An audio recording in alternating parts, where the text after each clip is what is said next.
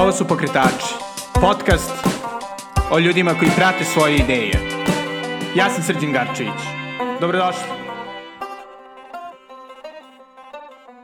Ćao i dobrodošli u Pokretače.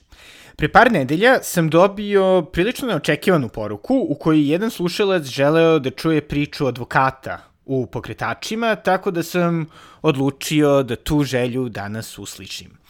Gost je posve sjajni Uroš Nedeljković, advokat koji se specializuje za zaštitu autorskih prava, medijske postupke i internet pravo. Međutim, Uroš je takođe jedan od pokretača kultnog sajta njnj.srbovanje.com, kao i vlasnik portala Daljine, koji se bavi njegovom drugom pasijom, putovanjima. Pričali smo o Uroševom donekle kontraintuitivnom putu, od tehnologije ka advokaturi, o vođenju advokatske kancelarije, a konačno i o važnosti održavanja širih interesovanja kada se bavite tako intenzivnim poslom.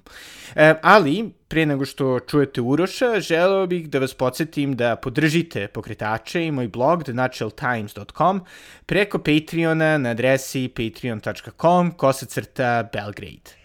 A sada poslušajte Uroša Nedeljkovića, kome je inače danas i rođendan, tako da Uroše, srećen rođendan, a vi ostali uživajte u ovom zanimljivom razgovoru.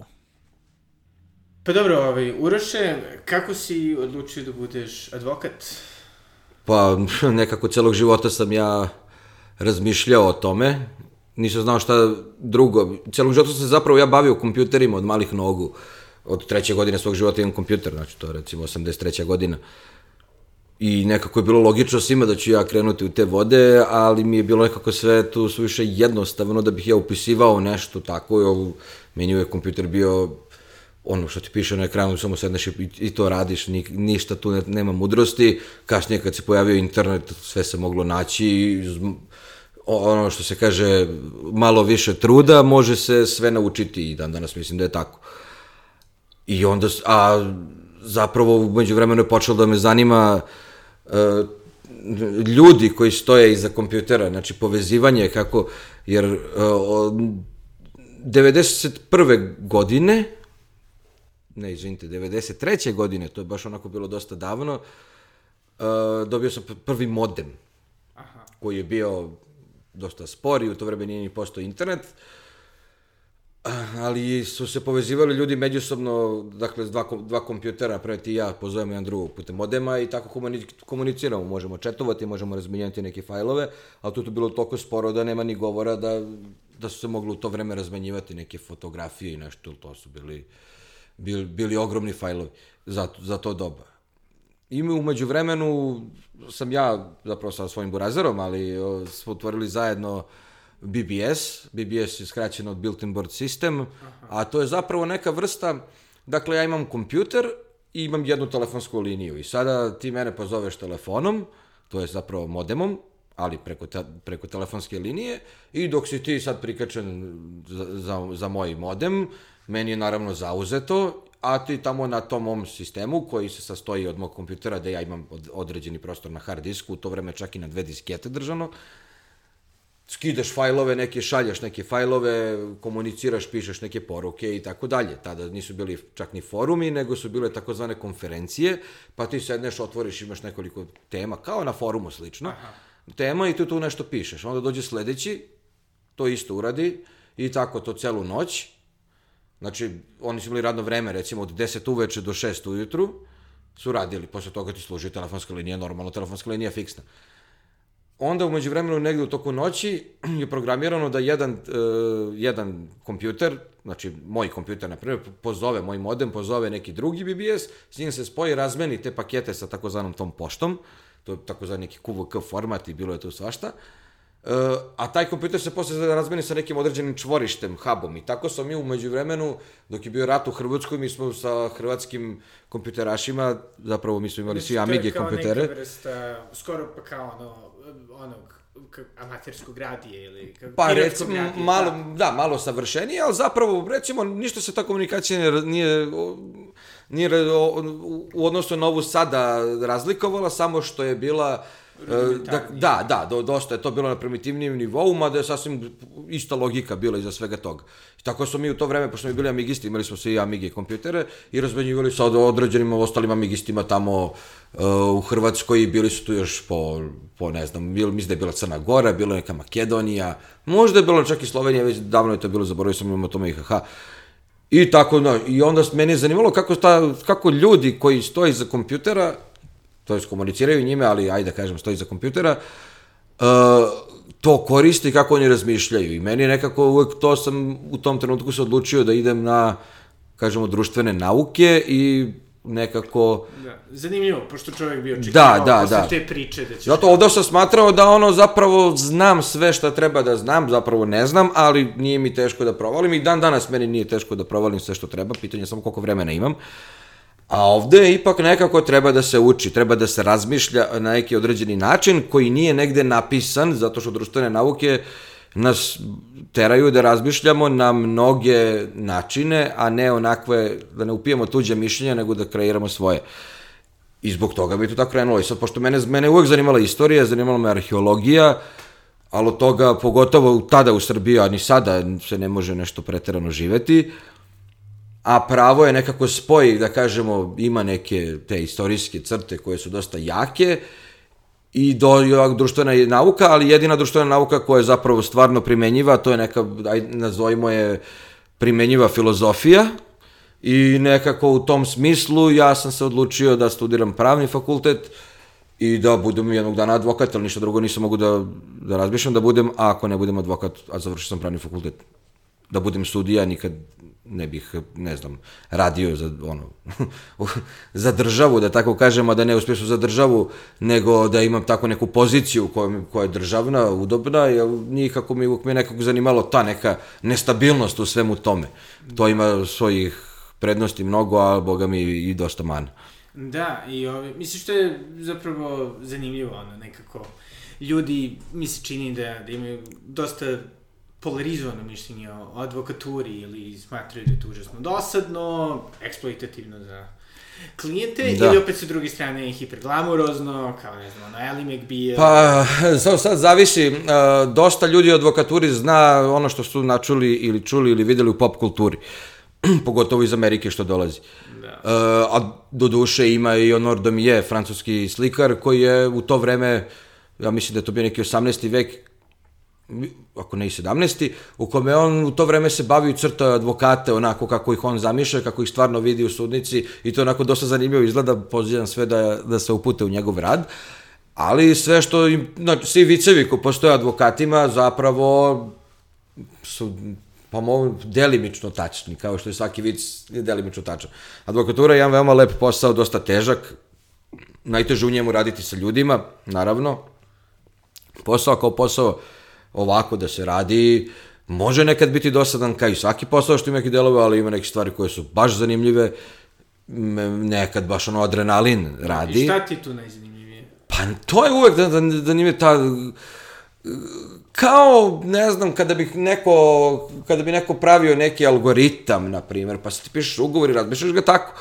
I sad ti ugovori koji deluju tako neki prosti, zapravo, uh, nisu tako ni jednostavni, unutra ima, što bi se reklo, dosta začkoljica i taj način samo to da se osmisli, se smisli, da se priđe problemu sa hiljadu načina da se napravi neka priča pa da, pa da se vidi da li se može probušiti, žargonski rečeno, i uopšte kad se postavlja bilo kakav predmet, parnica, kad se pokreće, šta god, i, ili se zastupa kao, kao suprotna strana, ali uvek ima to, kako se to dođe, ali u okviru nekog tog, da kažemo, sistema koji postoji pravnog. Uh, I to je zanimljivo, to ima, ima svašta tu, dosta je, to je ono kao kada bi nekom rekli ka šta ti je lepo da sakupljaš kašike, opa, ima nešto u tome, ja volim udaram rukama pa udaram i mikrofon, ali o, ovaj, to je tako nešto, nekog jednostavno to budi. E sad dalje gram, glamurozno ili nije, to sad zavisi od slučaja do slučaja, od situacije do situacije, kako, o, kako se radi, s kim se radi, kakvi su klijenti i kakav je, na, i naravno kakva je, kakva je nečija ličnost. Ja ne znam koja je novac da imam, ja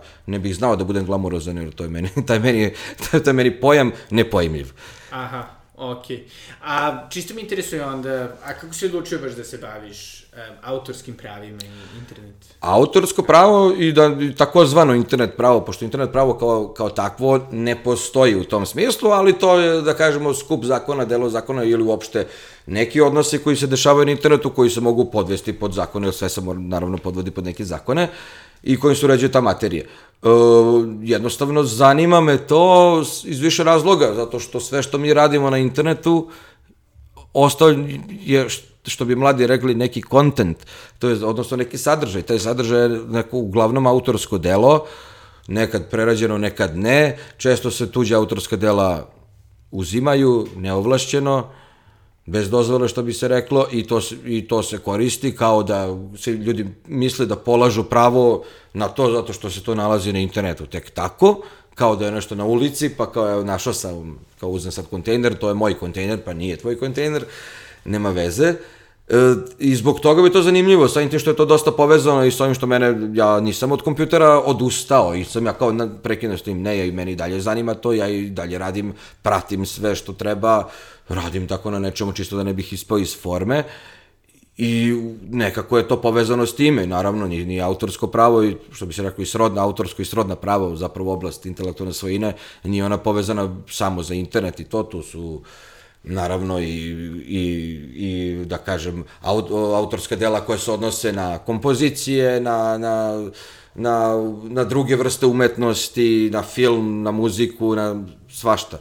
Tako da, to je sve, zato se to zovu srodna prava i veoma je zanimljivo sa, sa tog jednog stanovišta, pogotovo sad kako, kako je kod nas privreda krenula u, digitalno, da kažem, uh, od startapa do drugih vrsti firmi koje su, da, da kažemo, tehnološkog miljeja, tu je zapravo potrebno zaštita žigova, baza po bazi podataka, uopšte o know-how, sve što postoji tu, to je, to je veoma ši, široko polje koje kod nas, svi misle da je budućnost, to je kod nas već sadašnjost i na vreme o tome treba da se misli, inače posle bit će kasno, ako ne bude kasno, bit će preskupo. Da, i, i dobro, pretpostavljam da je ono dosta dinamičan, ali... Ume biti dinamičan posao, baš, zavisi kako kada, ja volim kada je dinamično, ali nekad me baš iscrpi. Ok, a na koji način šta te najviše iscrpi? Iscrpi zato što ovaj posao ne može se reći da je baš sedeći. To svi misle da je to neko sedenje u kancelariji, samo po sebi. To je posao od jutra do mraka. Evo, ja sam sada malo kasnije, zato što sam išao da se nađem sa klijentom da preuzem neke spise.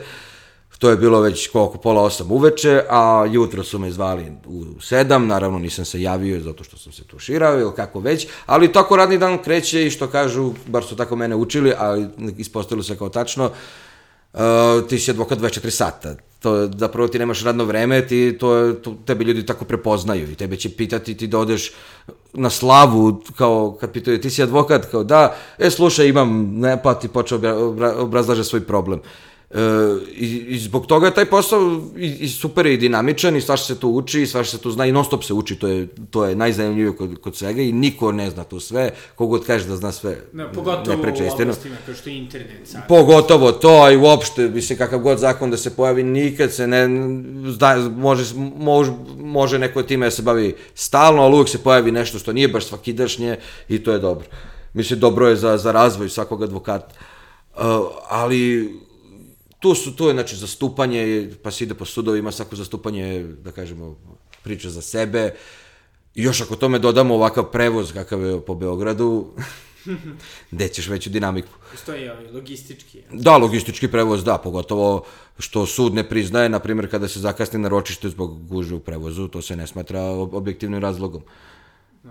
Što nisi krenuo ranije. Ja sam, ja sam imao, ja sam jednom krenuo sat i po ranije na ročište, i stigao sam bukvalno minut do. Sat i po vremena ranije, zato što sam stajao na autoputu zaglavljen beskonačno. Znači, znači ono, definitivno nije samo sedenje. I nije samo sedenje, ume tu baš biti i onda samim tim klijenti, razgovori sa ljudima, mnogi ljudi tu ne... E, te priče o advokatima zapravo nastaju tako što mnogi ljudi ne razumeju uh, posao, ne razumeju pravo Da. I ne shvataju oni misle, ti si meni, e, kao, zove papir, pa ne znam, kao toliko para, kao, pa nije to samo taj papir. Da. nije taj papir, u tom taj papir je tebi omogućio da ti, ne znam, stekneš imovinu određene vrednosti, velike ili šta god. Nije to papir, ako, mislim, ako uzbi sam ga napiši.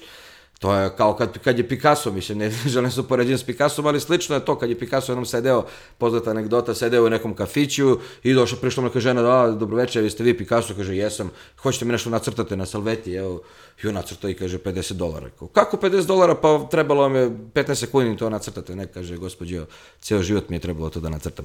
Tako da, to je to, ti učiš školu, ne znam koliko godina uopšte traje tvoje savršavanje, polaganje pravosudnog, advokatura, advokatski ispit, praksa i na kraju neko dođe i kaže pa šta to je jedna rečenica? Pa nije jedna, to je jedna rečenica, ali prava rečenica.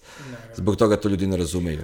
A ono što isto čini mi se ljudima van advokature dosta uh, zanimljivo je to kako uopšte advokati odlučuju da, da sami organizuju svoje kancelarije da se odvajaju od, da kažem, većih. Kako si ti odlučio da...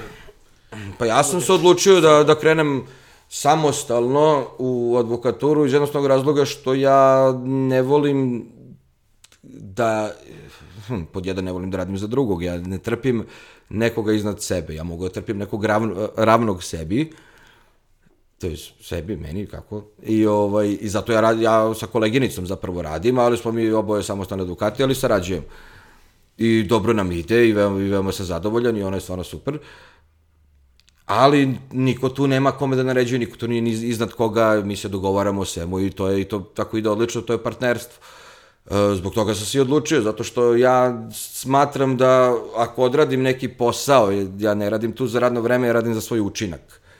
Ja jednog dana mogu da ni ne odem u kancelariju ako nemam potreba, zato preko telefona mogu završim mnoge stvari ili preko preko maila ili kako god, a ja da ću negde sedim 8 sati, 12 sati ili 1 sat, apsolutno je nebitno. Ja stvarno mislim da u današnje doba radno vreme je, nema smisla, kod u advokaturi nikad nije bilo smisla radno vreme, zato što u advokaturi uvek radilo dosta, a nekad se i nije radilo, zavisi kako kada naravno to upadne, ali kada bih ja radio eventualno u nekoj drugoj kancelariji, sam pojam radnog vremena da me neko pita gde si ti do sada, a ja sam radio ne znam šta, imao neki sastanak, nešto i sad to je teško objasniti, ja uopšte ne želim da ulazim u te konflikte, jako mi je super i mnogo bolje i lakše mi da radim. I mogu, na primjer, pošto dosta i putujem, volim da odem, odem na put kada mi odgovara, naravno kada, se, kada nađem vremena za to, ali ako ništa čak i da ne idem, želim da znam da imam tu opciju uvek da mogu da odem kada god hoće. Da, i naravno vratit ćemo se ovaj tvojoj fantastičnoj vezi sa putovanjima, ali pre nego što ostavimo advokaturu iza nas, to je ono što me isto interesuje, pošto li advokatura je dosta zanatski posao u tom delu da uglavnom... Zanat, bukvalno, da. Da, postoje ovaj, um, majstori koji te uče i Naravno, princip, principal, da. Kada si, kada si zapravo shvatio da imaš dovoljno iskustva da možeš da, da skočiš sam u, u svoje vode? Mislim, u pravljenju uh, kancelarije. Zavisi zašto. To su razne oblasti. Sada, e, kao pripravnik, ja sam se uglavnom bavio građanskim pravom u najširnom svom smislu, znači, ono, što bi se rekao, parničenje. I tu sam do, došao do dosta dobrog nivoa da sam smatrao da nemam tu više, e, da ne moram više da, da pravo da radim nekog drugog, da mogu i za sebe. Međutim, naravno i tamo sam ja ostao dobar u staroj kancelariji u odličnim odnosima, to su moje dragi kolege i nije tu bilo nikakve svađe, ne, tu samo, mi samo nastavimo da dalje sarađujemo i pričamo i normalno viđamo se. E, jednostavno tu, međutim, pravo, zašto je bitno, to postoje ono što se zove pravosudni ispit. To je ono što, što ljudi ne shvataju van, van oni koji nisu pravnici, pošto pravosudni ispit polažu svi koji uh, koji, što se kaže, žele da, da, pred, da, da zastupaju pred sudovima i uglavnom je to uslov da bi se bio advokat ne može se biti bez pravosudnog i bez advokatskog. I tu su naravno to ljudi dolaze iz pravosuđa, dolaze ljudi iz privrede i dolaze ljudi iz advokature. Naravno, ovi iz pravo, pravosuđa i advokatura tu, tu najbolje stoji na pravosudnom, a ovi iz privrede kako ko, zavisi ko je šta radio i tu je stvarno različito i imaju drugačiji tretman zato što oni su ljudi koji su uglavnom radili po bankama i tako to, da, tako da njihovo iskustvo uglavnom u jednoj materiji. Uh, ja sam imao tu sreću da budem u kancelariji koja je bila dosta ono širokih, ši, širokog obima posla, tako da smo se mi bavili raznim stvarima, ja sam tu svašta naučio što mi je dosta pomoglo kad po, da položim pravosudni ispit. I pravosudni ispit je dobar zbog toga što tek nakon njega, nakon kad se položi, sklope se kocke u glavi, šta koliko god si ti bio dobar u nečemu pre toga, tek posle toga ti zapravo povežeš mnogo stvari. Tek posle toga ti vidiš koliko možeš sam, koliko ne možeš. Šta, u samom procesu učenja za to? Da, da, u samom procesu učenja sklapaju se kocke, bukvalno noću se spava, to zavisi koliko, taj da ispit se sprema otprilike oko 3-4 meseca, neki ga spremaju 6, neki godinu dana, neki ga nikada i ne polaže, ima i toga. Teško je, užasno stresno, ja sam gledao ljude koji su nesvešćuju tamo, neverovatno je. Gledao sam ljude koji su prošli unutra, razvalili, svašta to ima. E, I tek posle njega zapravo ti znaš na čemu si po znanju. Ajde da kažem tako. Ostalo je sve da li ti znaš koliko ti imaš, da kažemo, klijenata, da li ćeš ti imati, jer klijenti su bitni, ti od njih živiš. Koliko imaš, da, da ćeš ti moći sebi da priuštiš, da plaćaš poreze, doprinose, kancelariju, što da kažeš da budeš na nuli, tek kad ti zaradiš od, određeni novac, e onda ti zapravo počneš da zarađuješ. Što se kaže, sve što zaradiš podeliš sa tri, e ta trećina, to si stvarno zaradio. E, I stvarno je tako. Da, da, super. E, mislim, ono, pošto jeli, nisam pravnik, ranije sam pod uticajem američkih serija razmišljao da... E, da, e, to je isto, da, e, dobro je to što si pomenuo. E, mnogi ljudi smatraju advokaturu da je to, ono, u američkim serijama, ono, ono kao klovnovi kad stanu pa nešto se gledaju, ne znam, deru se i ne znam šta, toga nema kod nas, toga ja sumnjam da ima na taj način i u Americi, to je, to je karikirano za filmove, jer kao ko bi gledao realno parničenje, mislim da stvarno mislim da bi to bilo O, osim nekog koga to stvarno zanima, ja bih možda to i gledao, zato što me zanima stručno, ali kao ne verujem da bi ti sad gledao, ako želite znate kako izgleda pravosuđe u Srbiji, a manje više i u Evropi, gledajte domaće filmove, onako kako je prikazano domaći filmima, uglavnom je tako. Bolji život, ono što ima pa ne znam da još ima, da je ono tesna koža ili tako nešto, znači, kad ima znači, utvrđivanje očinstva i to. Aha ono kad ima ono, e bukvalno taj, tako izgleda, ne razlikuje se to mnogo od toga i realno to bi za nekog sa strane bilo dosado i postoje neka, neki, neki koji su užasno formalni postupci i tu nema šta mnogo da se širi, ali postoje neki u kojima se može toliko biti kreativan, sve strane mogu biti kreativne u postupku, tako da je to baš, to je baš zanimljivo i to je, i to je ono zapravo da se taj adrenalin rađe. A, a to što se prikazuje tu u američkim filmovima i što mnogi misle će to se biti ne znam kako ispitivanje, ti sediš ne znam gde, ljudi uđu u, u, u određenim sudovima, da ih sad ne pominjem, nema, gde, nema mesta da se sedne. Ima, ima mesta za, za, za stranke u postupku, i to uglavnom za, za, za zastupnike, za stranke, kada bi stranke došle da sednu tu, ne bi bilo mesta, ako dođe neki svedok to je teško da on unutra stoji nakrivo nešto, a ako dođu pripravnici, publika i to, to nema, nema da se sedne. Tako da, da u tom smislu da ljudi su zamišljio one sudničke u Americi, daj Bože da su, da, da su toliki sudnici, ali su nepot, mislim, ne bi bilo potrebe da budu toliki, ali i da postoje, o, ne bi, post, post, post, postoje, postoje sad u Palati pravde, za tako neki, ali ne, nema, to su uglavnom za, za krivicu. Ali nema potrebe, toliko sudica postoje. Ali ne izgleda sve jedno tako ni postupak. To je užasno to formalne stvari i dosadne. I sada, ono, evo sam ako nije nešto politički ili estradno, pa sad to bude zanimljivo za javnost, pa unutra se ulazi novinari, ne znam, to kao ajde. I što je tema zanimljiva. To, kao zanimljiva je za, za tu tabloidnu javnost, ali ovako kao gledajući pravnički manje više. Mm, da, znači ovaj, bolje da gledamo srećni ljude nego Ellie McBeal i Pa, to verovatno nije ni tamo tako, ni, ni, ni, ni, ni je taj advokatski život tamo takav, a ako je, ali nikom i ne savjetujem da baš provodi 12 sati dnevno na poslu i da tamo ima i partnera i da ima sve živo i da dolazi kući samo prespava, onda bolje spava u kancelariji, ali šta ćemo kuća? Ja uopšte se ne zalažem za takav način rada i smatram da je to veoma štetno. Čak da. i profesionalno da je štetno, znam ljude koji tako rade i nemaju ni 40 godina i ono što se kaže pregoreli su.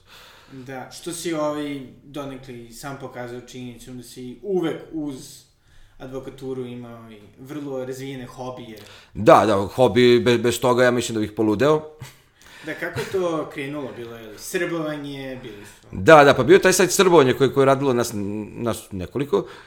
Uh, ajde da kažemo, moja, moja uloga je tamo bila, ja to vreme, ajde da kažemo, administrator sajta i foruma i šta je tu se bilo. Uh, I zapravo tako je to krenulo, to je bilo 2003. godine, boga mi, uhuhu, koliko to ima, umeđu vremenu naravno sajt, sajt smo ugasili, nije bio komercijalni sajt, ali je bio veoma posvećen. Ja mislim da u to vreme posle sajta B92 dvojke koji je kao bio wow i ne znam krstarici i tako nešto smo mi bili odmah tu po posjeti.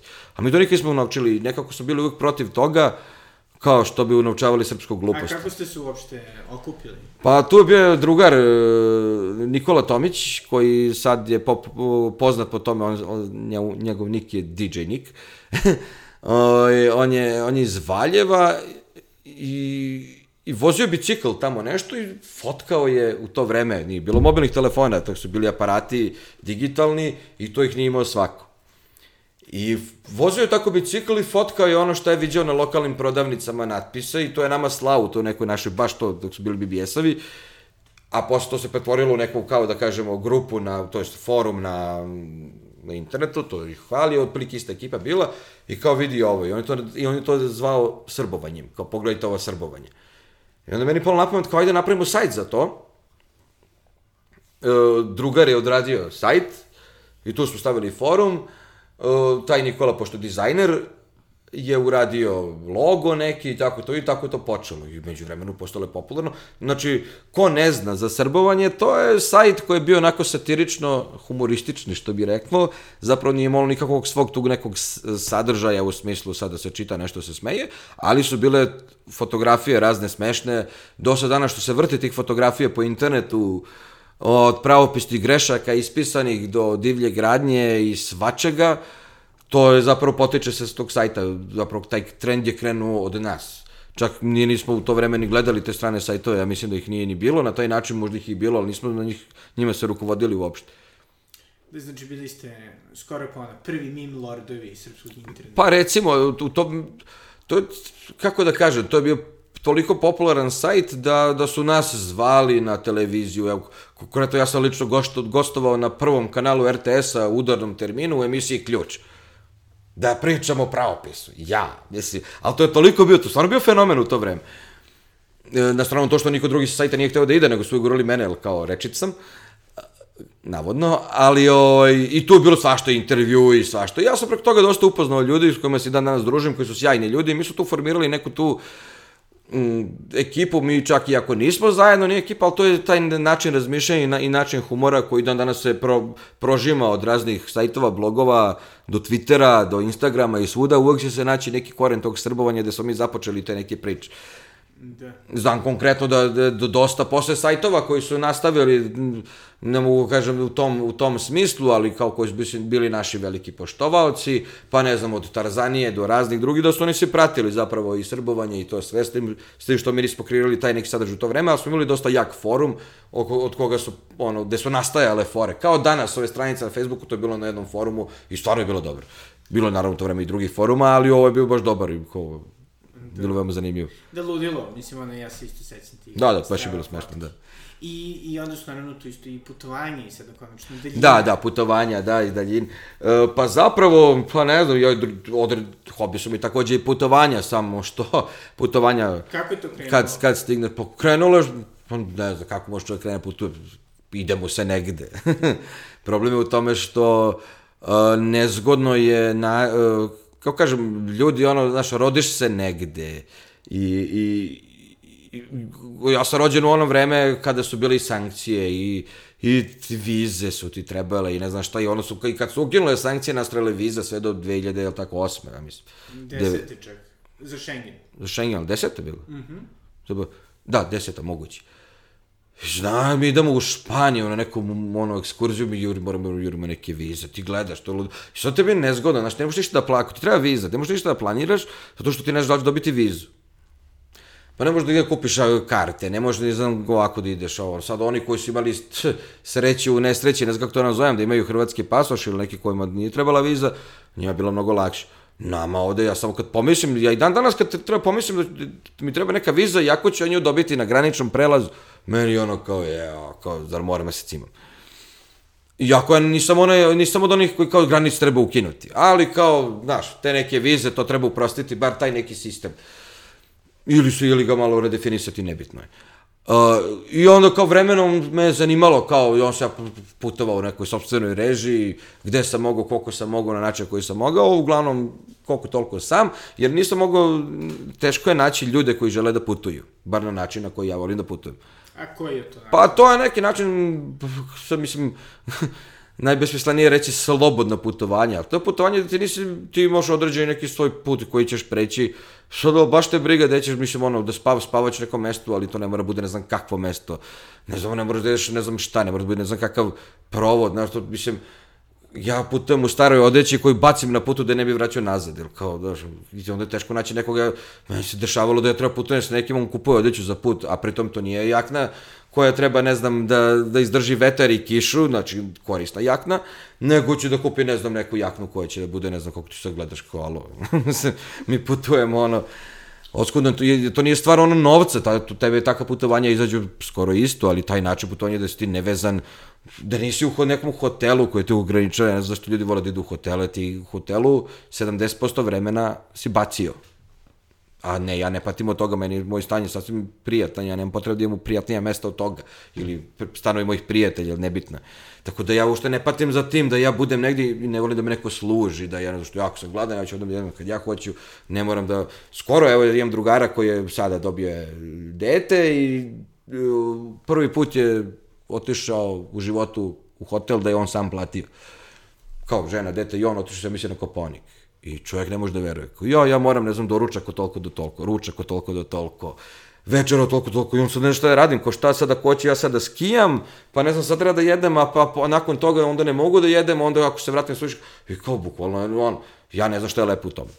Da. Ja ne znam šta je lepo u tome, ovo, ima ljudi ko voli, neko voli ko izvoli, ali ja ne mogu. Da, ali si odlučio li da pišeš o svojim pustolovinama? Pa, da u principu, pa pišem fotkama, ali to je sve izgubilo svoju čar i draž, iz jednostavnog razloga što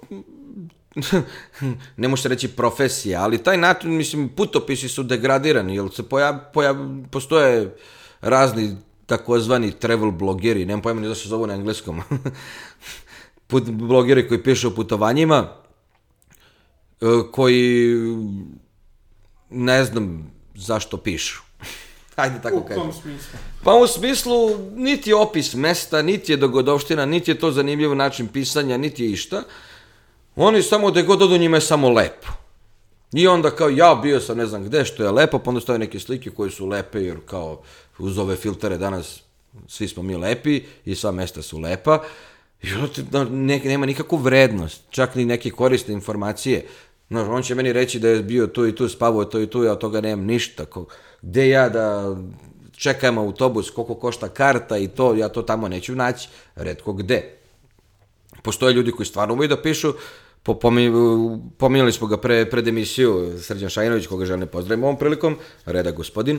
Prijatelj podcasta i, i bivši gost. To je bivši gost, prijatelj podcasta i, stva, i, i stvarno, ajde da kažemo, putnik koji dosta putuje, ali ume to i da napiše i stvarno mu se dešavaju stvari koje, koje traži neku avanturu. Sve mi tražimo neku avanturu ko putujemo, bar ljude koje ja poznajem i koje putuju sa mnom, želim da doživim nešto na putovanju, ja ne želim da, da sedim negde i da buljim jednu tačku i da vičem ja što je lepo, ne znam šta, i da se slikam po svaku cenu da bi samo nekom ostvario trag. Ja dosta stvari, dosta stvari ko putujem i mene mrzi da stavim više. Meni, meni čak postalo dosadno i da stavljam slike. A imam ih, ja ne znam koliko beskonačno. Da, da. Ali opet, ovaj, si vlasnik daljina. Da, da, daljine, daljine sajt, to sajt sam pokrenuo ja, uređuje ga koleginica, ali ja to tako isto nekad napišem. E, to je sajt koji je posvećen e, turizmu i putovanjima, ali kažem na neki održiv način. Mislim, nemojmo se zavaravati, niko nema ništa protiv turizma, ali ovaj turizam, ovaj takozvani prekomerni turizam, masovni turizam, to je više postalo besmisleno.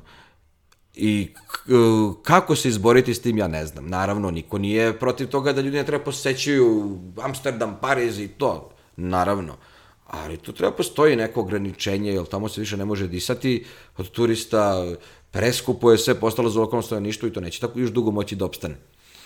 Ali u svakom slučaju bavimo se raznim putovanjima i komercijalnim, naravno, i, i agencije su tu neke, sve to, sve, sve tu postoji, ali zapravo sajt je namenjen ljudima koji zanimaju neke tako informacije i dosta onako, da kažemo, put, putnički, putnički almanah, više bi ga tako nazvao. Ima na njemu i putopisa, ali ima i vesti, ko prati industriju turizma, može na njemu svašta pročita. ne znam, ono, mi ga krojimo po nekom našem ukusu, ima tu svašta i, i, i postoji saradnja sa mnogim ljudima i firmama, tako da vidjet ćemo, vidjet ćemo kako će dalje se razvija, evo pozivam sve daljine RS pa nek poseti. Da, i mislim, i kako balansiraš, da kažem, obaveze oko tvojih putovanja i jeli, tvoga advokatskog posla? Pa, uvek je, uvek je teško balansirati i za, za sve treba vreme, međutim, ako, ako ti je nešto strast, nađeš vreme za to. Ne znam, nekada, ne, nemam vremena jednostavno da putujem i ne mogu da planiram, zbog toga, ne znam, kad sam poslednji put bio negde duže, Mislim, bio sam za novu godinu, ali to ne smatram duže, to je baš, bli, ono što kaže, bli, bliski region, Turska i to, to kao da nisi izašao sa... Bar, mislim, bar tako smatram, ali, na, na primjer, želim da idem u Južnu Ameriku negde i ja sad ne, nemam, ja ne znam za kada da jurim karte, kada da ih, da ih nađem, za koji period, ja ne znam da ću to moći od posla. I, I tu je malo problem. Eto, jedino to. A ovako, ja, što se mene tiče, ja bi, da mogu i da živim od toga, ja bi nasto putovo negde. Da. Ali, volao bi da se vratim naravno kući. Nisi ovaj razmatrao da postaneš Instagram influencer? Ne, ne, naravno, jer kao to je ono najbesmislenija stvar ko postoji. Postoje tu ljudi koji su sasvim pristojni ovako ljudi, ali većina ljudi od tih nazovimo ih uticajnih, ne znam, ja stvarno ne znam po čemu su oni uticaj, mislim, ha, naravno, postoje ljudi na koje oni utiču, postoje ljudi na koje što ne utiču, ono, dok se smeju to, ali činjenica da njih prate dosta ljudi i da oni oni ne stvaraju nikakvu novu vrednost, ali oni su tu da zabavljaju ljude i ja stvarno ne znam da li oni mogu da doprinesu nešto nekom razvoju bilo čega, neki možda da, neki ne. Sve zavisi. Širok je to pojam takozvanog influencera na internetu, veoma, veoma zanimljiv fenomen. Da. I dobro sada da se ja ne vratimo putovanje, pošto su meni vrlo draga. Sam si rekao kako te nervira zato što svi ovaj, non stop odu negde i onda pišu kao bilo je fantastično to, lepo sam ja tu. Koje su mesta koje su ti se baš, baš nisu svidela? Mislim, bilo ovaj, u Srbiji, bilo šire. Uh, da, svi kažu da im je svuda lepo, a, oj, pa uvek postoji nešto mi se ne sviđa, sad konkretno ja, ja, ja mogu da kažem šta mi se nešto u globalu ne, ne sviđa negde, što sam video sad, Uh, naravno, ne znam, u Gruziji mi se ne sviđa što je počeo masovni turizam, na prvu tom nekom smislu, i što je to postalo, uh, Tbilisi je mnogo lep grad, bio, a sada će postati, mislim, ovo sve što mi vidimo u Beogradu, to se tamo desilo pre koju godinu, prave stariju kaldrmu nego što jeste, prave starije zgrade nego što jeste i sve tako, i to je sve podređeno nekoj velikoj slikovnici za decu koji nikad neće odrasti, a zovu se turisti i to je taj neki sindrom grada, muzeja, apoteke, koji apsolutno ima nikakvu vrednost osim da se neko slika u njemu. E, to mi se pre ne sviđa, Ta, takvim fenomeni mi se ne sviđaju naravno mesta koji mi se ne sviđaju u Srbiji uopšte ima previše, pre meni se Briž nije svidao, meni je Briž užasan grad. Ja tamo kad sam otišao, ja stvarno ne znam, ja, ja nisam znao šta da radim tamo. Ne, Ili zašto upravo što ne smiješ, tim vratio iz Briža. Da, I? malki, pa meni se zapravo svideo, ali, mm. ovaj, ali da, slažem se, malo je diznifikovan. Pa ja ne vidim šta će mi to, to ne znam. To mi je kao da je neko uzeo moje lice, proturio je kroz filter na Instagram, ja izgledam ne znam koliko mlađe, ali ja to nisam ja. Ja odem tamo i uopšte nisam bio, imao osjećaj da sam u gradu, nego kao da sam u nekoj, u nekoj kulisi za film. Da. Mnogo je zanimljiviji, na primjer, oblažnji Gent, u kom, koji isto izgleda kao Briž praktično, samo što unutra žive ljudi, možda ih pipneš, ono, lokalci, žive studenti, i svima lepo, onako, vodi, imaš prodavnicu, odeš, kupiš, ne znam, šta god odeš prodavnicu, Brež ne možeš nađeš prodavnicu. Sve je ono, suvenir, suvenir shop ili, ne znam, muzej neki kome je ulaz beskonačno. Čokolada, na, vafle. Da, da, uđeš, uđeš u muzej, na prvi prođeš da nije muzej, nego neke animirane gluposti, to stvarno nema, apsolutno, ono, kao, a ti si dao, ne znam, 17 evra. Da, da, da. Doduše dobro, crkve su, meni se svidele. Okej, okay, to, to je sve u redu, to još nisu da. uspeli, valja da ih, ono, mada, mada već ima, ono, da se ubaci evro da svetli. Da, da, dobro, istina. A dobro, sada, ovaj, da da, da ne budemo toliko negativni, koja su mesta, pogotovo ajde, u Srbiji, ovaj, koje bi preporučio ljudima da, da overe? ili, ili ne želiš, zato što je, će biti previše Pa mo, turista. dobro, reći ću da je ova emisija kojim slučajem na nekoj nacionalnoj televiziji ne bi vjerojatno nikad rekao, niti bi pristao da dođe. Ali nadam, ovaj... da, nadam se da ovo neće biti popularno. Da, da, da. Pa ne, to, to, je, to je nezahvalno. Ti preporučiš neka mesta i, i ja, zato što su super i lepa, onda kad, kad tamo masno počne da se navira, to mesto izgube smisao. Kao, na primjer, Lisine, koje su bili sjajno mesto, mi smo čak gore kampovali, spuštali se dole u pećine, vodopad nikog nije bilo. Sada sam skoro otišao, tamo su, ne znam, terase neke od drveta, dve kafane, beskonačno ljudi, što ti ko... Taj, to je postalo besmisleno. Meni je bo- bolje bilo sam otišao u Petrovac na mlavi da ručam nego tu. Da. Ali dobro, ajde. Ajde, kao sediš u nekoj prirodi. U Srbiji je najzanimljivija je priroda. Nevjerojatno mala zemlja, koliko zanimljiva priroda, to je, to je nevjerojatno. Naravno, ceo Balkan je zanimljiv. Srbija pogotovo, zato što ti je Srbija tu blizu. I još uvijek imamo tu sreću što je jeftino.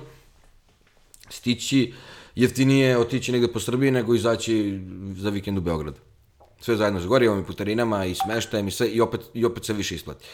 A, da kažemo, da, da, da ovoga će se sećati ovog izlaska, verovatno nećeš.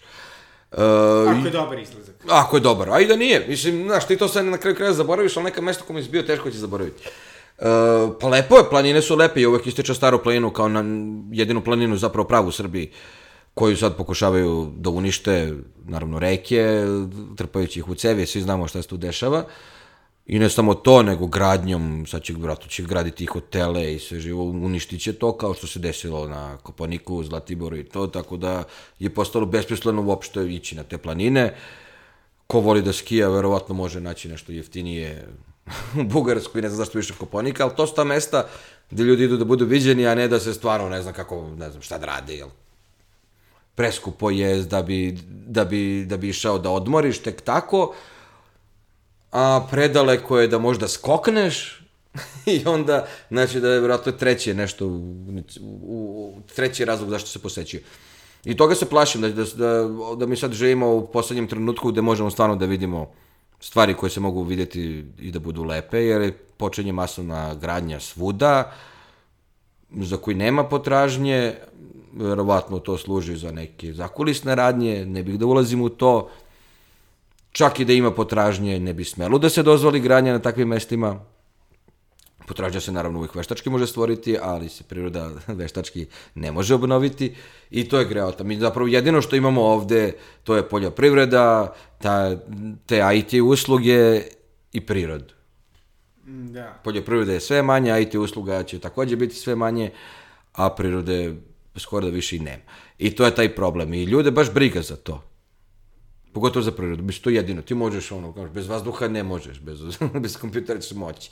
I bez para ćeš čak moći, ali bez vazduha nećeš moći. I bez zemlje, i, i bez vode. Ali to ljude baš briga. I to je meni zapravo dan zanimljivi taj fenomen. Njima je ono, kao, istuče mozak, puste seriju i oni su završili svoj život za taj dan toga se plašim i, ovaj, ne, i nemam što se toga tiče, još nisam optimista ovaj, i za ljude u Srbiji i za Srbiju. Stvarno. Da, da, da. Ba, baš mislim da, da je to... Njih ne zanima, jednostavno njih ne zanima da bilo šta van svog... Mi tu kasnimo za razvijenim svetom, jedno, boga mi, skoro 50 godina. U smislu... U smislu, hajde nazovimo, načina razmišljanja prema svojoj okolini, ali ne ona ekološka priča, kao nemoj, recikliraj, a to je sad, može ovako, može onako, to je samo stvar dve, tri administrativne odluke, pa si počeo da recikliraju. E, ne, nego uopšte odnosu prema tome, da, da, su, da, da ljudi shvate koliko je to bitno i koliko je to treba. Mm, Evo, na primjer, fenomen je da kod nas ljudi masovno idu, koji imaju novca nekog, da masovno idu ili žele da idu u all inclusive hotele. A to je zapravo, to su izletiče za, za ono, nižu radničku klasu, da, da, ne za sve, ali da ne grešim dušu, ali za to, znači te, te neke da, idu i naši, otprilike to neka, neka niža tamo radnička klasa, kod nas idu ljudi koji, da kažem, imaju novca, misleći da je to nešto super, da ti budeš u nekom delu, da si izolovan, da te neko sad služi, to je, po, to je ono malo građanština. Da ti sad sediš i, i sa svojim nekom bednom lovom zapravo koju imaš, da neko dolazi da te služi, a ti da se osjećaš kao wow, ja sam služio, ništa ti zaslužio da tebi niko ne služi, niko, niko nije zaslužio da ga služi, ali ne biti. I niko se ne zapita zašto ti, ti hoteli u, tamo, na tim mestima, da su uglavnom na najlošim delovima plaža, na svemu tom gde, gde je loše more sve, zato što tamo jeftiro postaviti model zarade je ogroman. Jednostavno samo zbog toga. I zbog toga ti možeš sa 500 evra da budeš, ne znam, 12 dana i da, te, da, i, i da piješ piva koliko hoćeš. Da, da, a kako bi ti ovi savjetovao da se putuje? Pa ja ne mogu nikome da savjetuje, neko putuje kako zna i ume, zapravo putovanje nije putovanje, najgore je putovati, uh, a ništa ne znati. Ti ako negde putuješ, a ništa ne znaš gde putuješ, zašto putuješ, koliko ljudi bilo u Parizu? Oni u Parizu ne znaju ništa. Ne ništa, ne znaju šta su videli, znaju možda eto Notre Dame i kao Louvre. E, to su videli i zdravo. Nisu uputili uopšte ništa, nemaju pojma ni o istoriji, ni, ni u današ, ni, u sadašnjici gradu. Ne, njima je bitno samo da odu da vide, kao oni kao da vide, gledaju, zapravo oni sebe ono, u neku živu sliku pokušavaju da stave. I to je taj neki teleport, ti si tamo teleportao, vidio si malo prošetati se ulicama, ti si kao bio u nekoj virtualnoj realnosti, Zato što to jeste virtualna realnost, a nije tvoja realnost, vratiš se nazad i to je to. A nisi bio negde da vidiš nešto, da izučiš, da popričaš. Zapravo jedini po meni način na koji se može putovati je to je da ti budeš sa lokalnim stanovništvom, da imaš nekog, nekakvog dodira. Kako takvog? Ne mislim sa ugostiteljima, sedneš u kafanu pa pričaš s konobarom. ne, nego nekako, znaš, da upoznaš nekako Ja, I kako ljude. ti to uspevaš? Pa ne, ne, ne, ne uspeš ti uvek, to, to se dešava slučajno, ne, postoje i sajtovi, postoje couchsurfing, postoji razne vrste sajtova, postoji privatna poznanstva, ti možda upoznaš nekog iz neke države u nekoj drugoj državi, pa taj posle dođe kod tebe, ti odiš kod njega, zajedno otputujete na sasvim sedmu lokaciju, e, ali to je na, jednostavno jedino tako po meni možeš upoznati neki grad, nek, mislim ne možeš ga upoznati, ali možemo se približiti neki pravi način. Ako ti ideš sa nekom agencijom, imaš nekog vodiča, ti zapravo nećeš ništa, ti, ti, si, ti si na uzici. Zapravo, ne znam, on. Nekima je to jedini način. Da, mada ono što je meni zanimljivo dobro sada, agencije, recimo njih ne koristim gotovo uopšte, Um, ali recimo ja sam primetio, kad ja sam putujem, da dosta, ono nemam pojma, imam listu 10 stvari koje želim da vidim, na primer, među ostalog i Briž i sada, nemam pojma, kapela ova, kapela ona, ova zgrada, ona zgrada, i što na neki način su ono fine kulise, ali zapravo nema nekog dubljeg, mislim, pa, da, ne da, samo da, zbog da. Briža, mislim, više zbog mene. Naravno, Ove, da, da. Pa. I kao, okej, okay, super, lepo je, opuštajuće, ali ništa se ne izlači iz toga i one cele priče o tome kako putovanje, ne znam, oslobađa, širi um, zapravo ne, na kraju isto kod da sam gledao seriju. Mislim, pa, nije. E pa zavisi, da, da, zato što uh, putovanje, mislim, putovanja su zapravo stvarno, glupo je reći, izgubile neki smisao. Gde više ne možeš da otputuješ i da, i da budeš nekako stranac, zapravo su ti, lokalci su ti stranci, a vi svi sa strane posetioci ste zapravo jedno. Ti, stranci, ti, ti domaći su ugroženi od turista. I to je nekako stvarno, pogotovo Evropa, meni su, ja ne znam, ono, meni su po Evropu nešto i ne ide, ne, nisam nešto mnogo puta po Evropi, moram da priznam, ja nisam video Rim ni, ni Atin. Ali, ovaj, i to ću morati posjetiti zato što me to interesuje. Ja sam se obode rimskog carstva i, i, i helenskog sveta obišao, ali nisam bio u njihovim centrima. I to mi je otprilike neki plan za budućnost, ali ja to kapiram da ću moći jednog dana kada budem imao i neku decu, pa to tamo ćeš ono moći da odeš. I kupujem bio penzioner i da odem tamo, jer to, to je jednostavno sad dok sam još koliko toliko zdrav i prav, ne mogu reći mlad, mogu da odem negde gde te mi, gde mi treba malo, malo više mozga da razmišljam o nečemu, da, da smislim nešto, Da. nešto što je uzbudljivo, na, nije meni uzbudljivo da je odem negde i da, ne znam, se slikam ispred fontane neke koji, ono, samo pravim sadržaj za Instagram. Besmislene postalo. Da, da. I dobro je, ovaj, šta bi, šta je bio tvoj savjet ljudima koji pa savet... da bilo šta rade u životu? savet ljudima ako žele da putuju, pre svega da Mislim, moraju da shvate da ne treba ničega se plaše, dosta ljudi se, jako oni navodno putuju, oni se dosta toga plaše. Ne treba ničega se plaše, Treba da odrade stvari koje ih zanimaju. Ako ih ne zanimaju, onda nek putuju način kao što su i do sada. Ako ih zanima, neka, neka razmišljaju nekonvencionalno, što bi se reklo izvan kutije, što to je nikad gluplji izraz, ali da, nek, ako idu na more, oni ne moraju biti 10 dana na moru, oni mogu biti 7 dana na moru, a 3 dana posvetiti nečemu sa strane. Mogu otići i 5 dana na more, jedan dan negde drugde, pa onda opet 5 dana na more, uvek mogu, na, ako bi baš hoće da idu na more. Uh, ako hoće da posećuju neke destinacije, oni ne moraju da odu tačno tamo, ne moraju te tačke A u tačku B da idu, nisu putovanja, ni cilj putovanja teleportovanje. Putovanje može, može da bude putovanje postupak čitav. I samim tim što će ono nekoliko stvari proći dok ne dođe do svoje željene destinacije, će im mnogo pomoći da shvate i taj način, to, je, to ne može opisati sad kao da pričam neku abstrakciju, ali zapravo to je to. Znači, ne, ne treba da putuju dr drugih radi, treba putuju sebe, sebe radi, ali ne sebe radi da, da kažu da su bili tamo i da su ostvarili svoj cilj, ne nego da bi nešto drugo saznali. Putovanje stvarno šire vidike, ali ako, ako ste skloni širenju vidika. Ako niste skloni širenju vidika, vi možete da budete na Antarktiku, ali ne možete ali ne možete ovaj, proširiti nikakav vidik, samo ćete smrznuti bez veze. Ne. I što bi rekao, koje je putovanje ili iskustvo te bi najviše proširilo vidike? Pa sad, proširilo vidike u tom smislu nije ni jedno, ali ono država, da kažem, koja je na mene ostavila za, za sada najjači utisak je definitivno Jermenije. Ne, tamo mi je nekako bilo sve dobro. I ono što je bilo loše, meni je bilo dobro.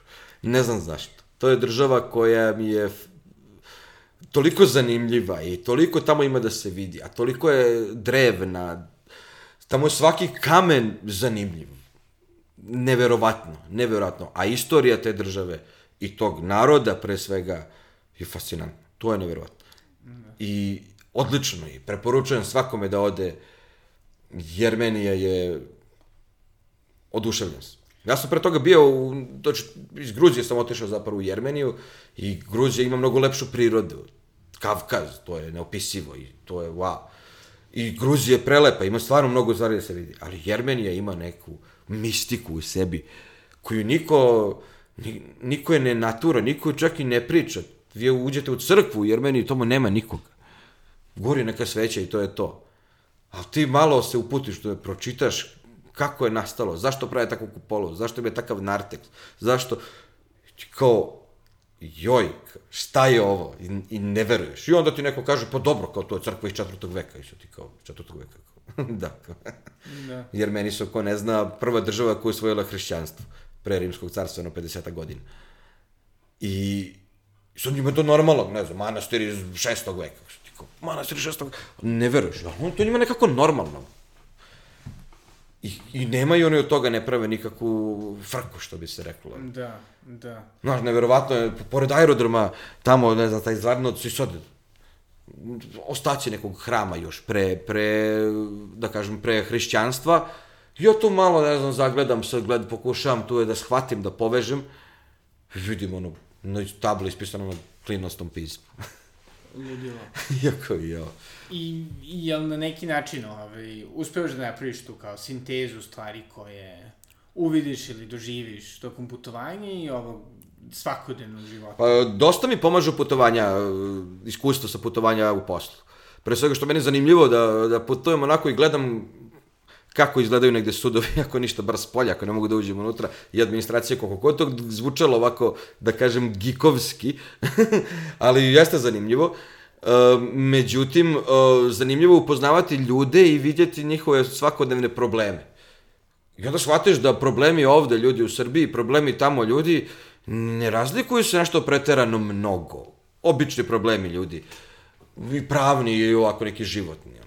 Postoje neke, neke stvari koje se naravno razlikuju, na primjer divlja gradnja je oko nas sasvim normalna stvar i cela država je divlja gradnja i ekonomija je cela divlja gradnja i planine su nam divlja gradnja i mini hidroelektrane su nam divlja gradnja, dok u nekim državama to je uređeno. Možda je onda bila neka divlja gradnja pre 200 godina, ali to je neko drugo kolonijalno doba kad su oni mogli da kad, kad su oni mogli da imaju vremena da se uređuju, mi sad nemamo vremena da se uređujemo i ne želimo, zato što ja garantujem kad bi se svakom pružila prilika da za mali novac kupi stan nelegalan, da kažem nelegalizovan u centru grada, koji će eventualno dana biti legalizovan, ne postoji taj koji je toliko moralan koji će reći ne, pritom da ima, da ima taj novac u džepu.